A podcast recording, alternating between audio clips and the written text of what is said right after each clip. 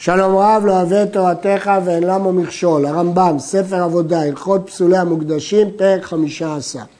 כל הזבחים שנשחטו במחשבת שינוי השם, מה זה שינוי השם?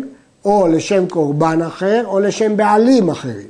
בין בקורבנות יחיד, בין בקורבנות ציבור, כשרים, אלא שלא עלו לבעלים לשם חובה, חוץ מן החטאת והפסח, שאם נעשו במחשבת שינוי השם, פסולים.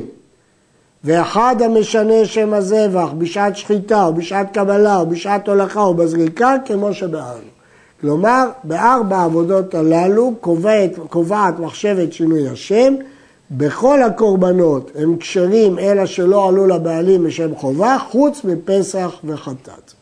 יש להעיר שכמובן למרות שהרמב"ם אמר בין בקורבנות יחיד, בין בקורבנות ציבור, בין שינוי שם, בין שינוי בעלים, בקורבנות ציבור לא שייך שינוי בעלים, כי כל הציבור הוא הבעלים, כמובן. כיצד לא עלו לבעלים לשם חובה? כגון ששחט עולה לשם שלמים, למרות שהזבח כשר. לא עלת לבעלים לא משום עולה שהם חייבים בה ולא משום שלמים, אלא חייבים להביא זבח אחר. וכן אם שחט עולת ראובן לשם שמעון, לא עלת לא לראובן ולא לשמעון. במה דברים אמורים? בשעקר שם הזבח בזדון, עולה לשם שלמים בזדון. אבל אם טעה ודימה שזו העולה שלמים היא, ועשה כל עבודותיה, עבודותיה לשם שלמים, עלת לבעלים לשם חובה. כיוון שהעקירה היא בטעות והוא עשה את העבודות לפי השם שהוא חשב, זה עולה לשם חובה, לשם שלמים כמו שהיא נעשתה. וכן החטאת והפסח שעשה אותם במחשבת שינוי השם בטעות, למרות ששינוי השם פוסל בפסח וחטאת, כשרים. שהעקירה בטעות אינה עקירה. עקירת השם בטעות לא נחשבת לעקירה, זאת מחלוקת המוראים בגמרא, וכך פוסק הרמב"ם. וכן עולת העוף, שמלקה או שמצד דמה, שאלה העבודות של העוף, במחשבת שינוי השם, הוא חשב אותה למחשבה אחרת, כשרה ולא עלת לבעלים. אבל וחטאת העוף פסולה, כמו שכל החטאות ששינה את שמם פסולות. מקביל לקורבן בהמה. וכן כל המנחות שנעשו במחשבת שינוי השם כשרות ולא עלו לבעלים, כמו כל הקורבנות, חוץ ממנחת חוטא, שזה כמו קורבן חטאת, ומנחת קנאות שהיא מקבילה למנחת חוטא, שאם חישב באחת מארבע עבודות שלהם מחשבת שינוי השם, פסולות. שינוי השם במנחה כיצד? מה המציאות של שינוי השם? כגון שקמץ מנחת נדבה לשם מנחת חוטא, או מרחשת לשם מחבת, גם זה שינוי, למרות שזה אותו סוג, כיוון שזה סוג אחר של מנחת. או מחבת לשם מרחשת וכן כל כיוצא בזה. גם זה נקרא שינוי השם. אסור לחשב בקודשים מחשבה שאינה נכונה, כמו שהתבהר. לפיכך, זבח ששחטו שלא לשמו, או מלכה שקמצה שלא לשמה, בין בזדון בין לשגגה, חייב להשלים שאר עבודות לשמיים. אפילו שחט וקיבל והוליך במחשבת שינוי השם, חייב לזרוק במחשבה נכונה. כלומר, זה שהתחלת במחשבה לא נכונה, זה לא אומר שאתה יכול להמשיך כך, זה אסור, אתה צריך להמשיך במחשבה נכונה. ומפני מה נשתנה דין החטאת והפסח מכל הזבחים? שאמרנו שהדין שלהם ששינה את שמם פסולות, ודין מנחת חוטא ומנחת קנאות מכל המנחות. פני שעיין עליהם הכתוב, הכתוב הדגיש אותם, במה הוא הדגיש אותם? נאמר, הרי הוא אומר בחטאת ושחט אותה לחטאת, שתהיה שחיטה לשם חטאת, וכן שאר עבודותיה לשמה, ונאמר על חטאתו, שתעשה לשם אותו החטא, ונאמר וכיפר עליו, שתהיה לשם בעליה. שלושה לימודים, שחט אותה לשם חטאת לשם חטאת ולא לשם עולה. לשמה על חטאתו שתעשה לשם אותו החטא וכיפר עליו לשם אותו הבעלים.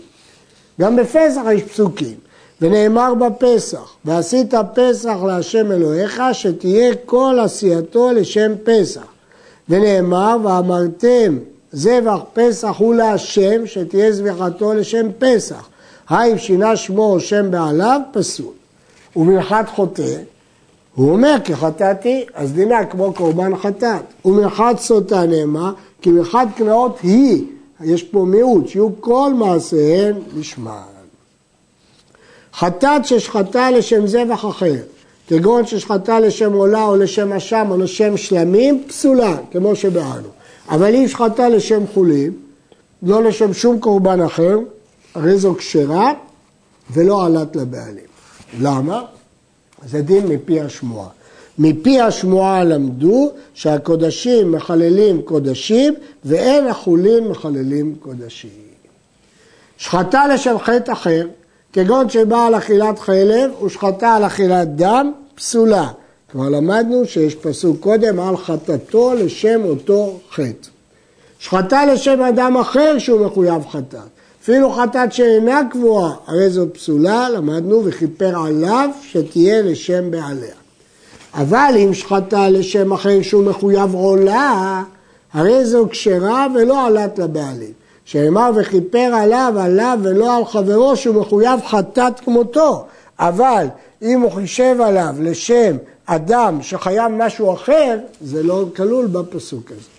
שחטה לשם מת, כשרה, ולא עלת לבעלים, שאין כפרה למתים, אז זה לא נקרא שהוא כיפר על מישהו אחר.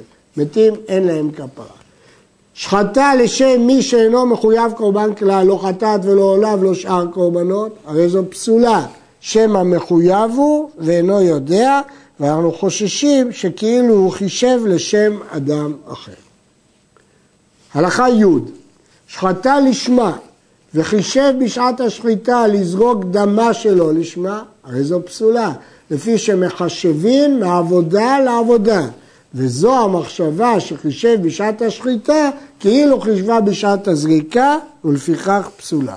למרות שהוא חישב בשעת השחיטה, לא על השחיטה, אלא על הזריקה, מחשבים מעבודה לעבודה, ולכן היא פסולה.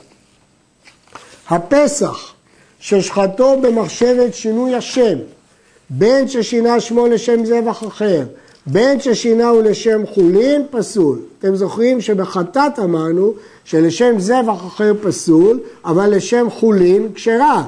למה? כי חולין לא מחללים קודשים, אבל בפסח זה לא כך. בין לשם זבח אחר, בין לשם חולין פסול. למה? שנאמר ואמרתם זבח פסח הוא להשם. אז צריך להיות לשם פסח. במה דברים אמורים? ששחטו בזמנו. שהוא יום 14 בניסן. אפילו שחטו בשחרית, שזה לא זמן השחיטה, אבל זה יום השחיטה. במחשבת שינוי השם פסול. אבל אם שחטו בלא זמנו, במחשבת שלא לשמו, כלומר בשלושה עשר, כשר, כיוון שזה בכלל לא זמנו. שלא לשם בעליו, נעשה כמי שאין לו בעלים בזמנו, הוא פסול. פסח ששחטו לשמו, ב-14 קודם חצות, פסול, כפי שאינו זמנו. עברה שנתו, ושחטו בזמנו לשם הפסח, אבל הוא לא ראוי לפסח, כי עברה שנתו, צריך להיות בן שנה. וכן השוחט שאר זבחים לשם פסח, אפילו שחטם אחר חצות, הרי אלו כשרים ולא עלו לבעלים לשם חובה. כיוון שהוא שחט אה, לשם פסח בזמנו, אז זה כשר, אבל לא עלה לבעלים לשם חובה. תודה ששחטה לשם בעלים, עלת לבעלים. מדוע? כי התודה כלולה בשלמים. ושלמים ששחטם לשם תודה לא עלת לבעלים, כי השלמים זה לא סוג של קורבן תודה, התודה זה סוג של קורבן שלמים. כפי שהתודה נקראת שלמים, ושלמים לא נקראו תודה. עולה ששחטה על מי שאינו מחויב קורבן כלל, לא עלת לבעלים. שהרי שחטה שלא לשם בעליה, היא כשרה, אבל לא עלתה לבעלים. ואף על פי שזה ששחטה לשמו אינו מחויב כלום בעינינו, אז למה היא כשרה? אי אפשר שלא יהיה חייב כפרה לשמיים. שאין לך אדם מישראל שלא עבר מעולם על מצוות עשה. אז לכן, אם הוא שחט לשמו, גם אם נראה לנו שהוא לא חייב כלום, היא כשרה. אלא שאם זה לשם הבעלים, זה קשה. עולה הבאה לאחר מיתה, שהעשייה שלו לשם בעליה, עלת לבעלים לשם חובה, שאין בעלים לאחר מיתה. אין מציאות של בעלים לאחר מיתה, ולכן המקריב יכול לקבוע לבעלים חדשים שהוא יהיה הבעלים. כיוון שהבעלים המקורי מת, אין בעלים לאחר מיתה. שני כבשי עצרת ששחטם לשם אלים, כבשים זה בני שנה, אלים בני שתיים. הוא הביא כבשים וחשב שזה אלים, לא עלו לציבור לשם חובה, כי צריך לשחוט כבשים לעצרת, בני שנה, לא אלים בני שתיים. ואם דימה שהם אלים ושחטם לשם אלים, עלו להם, מפני שהעקירה בטעות. אם הוא לא טעה, הוא ידע שהם כבשים, ושחט לשם אלים, לא עלו לציבור, כי צריך כבשים. אבל אם הוא טעה, כבר למדנו שהעקירה בטעות, לאו שמה עקירה. אשם מצורע, ששחטו שלא לשמו, או שלא נתן מדמו על גבי בעונות, טעון נסכים. שאם יקרב בלא נסכים נמצא כמקריב נדבה, ואין האשם בנדבה. למרות שהוא שחט אותו שלא לשמו, ולמרות שהוא לא נתן מדמו לבעונות, אז ברור שהוא לא עלה לשם חובה, אבל מוכרחים להביא איתו נסכים, כי אין מציאות של אשם נדבה, ואם הוא לא יביא נסכים זה כאילו נדבה. כבש הבא עם העומר, ששחטו שלא לשמו, לא יביא מנחת נסכים שלו שני עשרונים, כמו שמביאים בדרך כלל בכבש עם בא עם העומר, שהמנחה שלו כפולה, אלא עיסרון אחד כשאר הנדבות, שהרי לא עלה לשם חובתו. אמרנו שכל מה שהקרבנו שלא לשמו, אפילו שהוא כשר, לא עלה לבעלים של חובה. אז אי אפשר להביא נסכים כפולים, כי הוא לא עלה לשם עומר. ונמצא שהוא נדבה, ואם הוא נדבה הוא לא צריך נסכים. הוא צריך נסכים, אבל לא צריך נסכים כמו מחת העומר, שני עשרונים, נסכים רגילים מסרון אחד. וכן תמיד ששחטו שלא לשמו, אז הוא לא עולה לו לשם חובה, למרות שהוא כשר, לא יעלה עמו שני גזרי עצים כשאר התמדים, התמידים, שהרי לא עלה לחובת התמיד, אלא הרי הוא ככל הנדבות בלי שני גזרי עצים. שני כבשי עצרת, ששחטן שלא לשמן, או ששחטן בין לפני זמנם בין לאחר זמנם, הדם ייזרק והבשר ייאכל, אף על פי שלא עלו לציבור לשם חובה. למרות שאין להם גדר של קורבן ציבור, הם לא עלו לציבור לשם חובה, אבל סוף סוף הם כשרים, אז הדם ייזרק והבשר ייאכל. ואם הייתה שבת לא יזרוק, כי למה אנחנו זורקים דם של כבשי עצרת בשבת כי הם קורבן ציבור, אבל עכשיו לא עלה לציבור לשם חובה, זה סתם נדבה, אז הוא לא יכול לזרוק בשבת. ואם זרק, הוא הוצא להקטיר הימורים לערב. לא נגיד שהזבח נפסל, הוא עבר עבירה, אבל אפשר להקטיר את ההימורים בערב, כמובן לא בשבת. וכן שלמי נזיר ששחטן שלא לשמן, אף על פי שלא עלו לבעלים, הרי הם נאכלים ליום ולילה ואינם טעונים לחם. הם כמו שלמי נדבה, אז לכן הם לא טעונים לחם. וכן אשם נזיר ואשם מצורע ששחטן שלא לשמן, אף על פי שלא עלו לבעלים, הרי אלו נאכלים. יש להעיר, נאכלים יום ולילה. הם לא נחשבים נשמים רגילים שנאכלים שני ימים ולילה אחת, אלא כמו שלמי נזיר, למרות שהם לא עלו לו לשם חובה, אבל הם הוכתרו בתור שלמי נזיר, לכן הם נאכלים רק ליום ולילה ואינם טעונים לחם. עד כאן.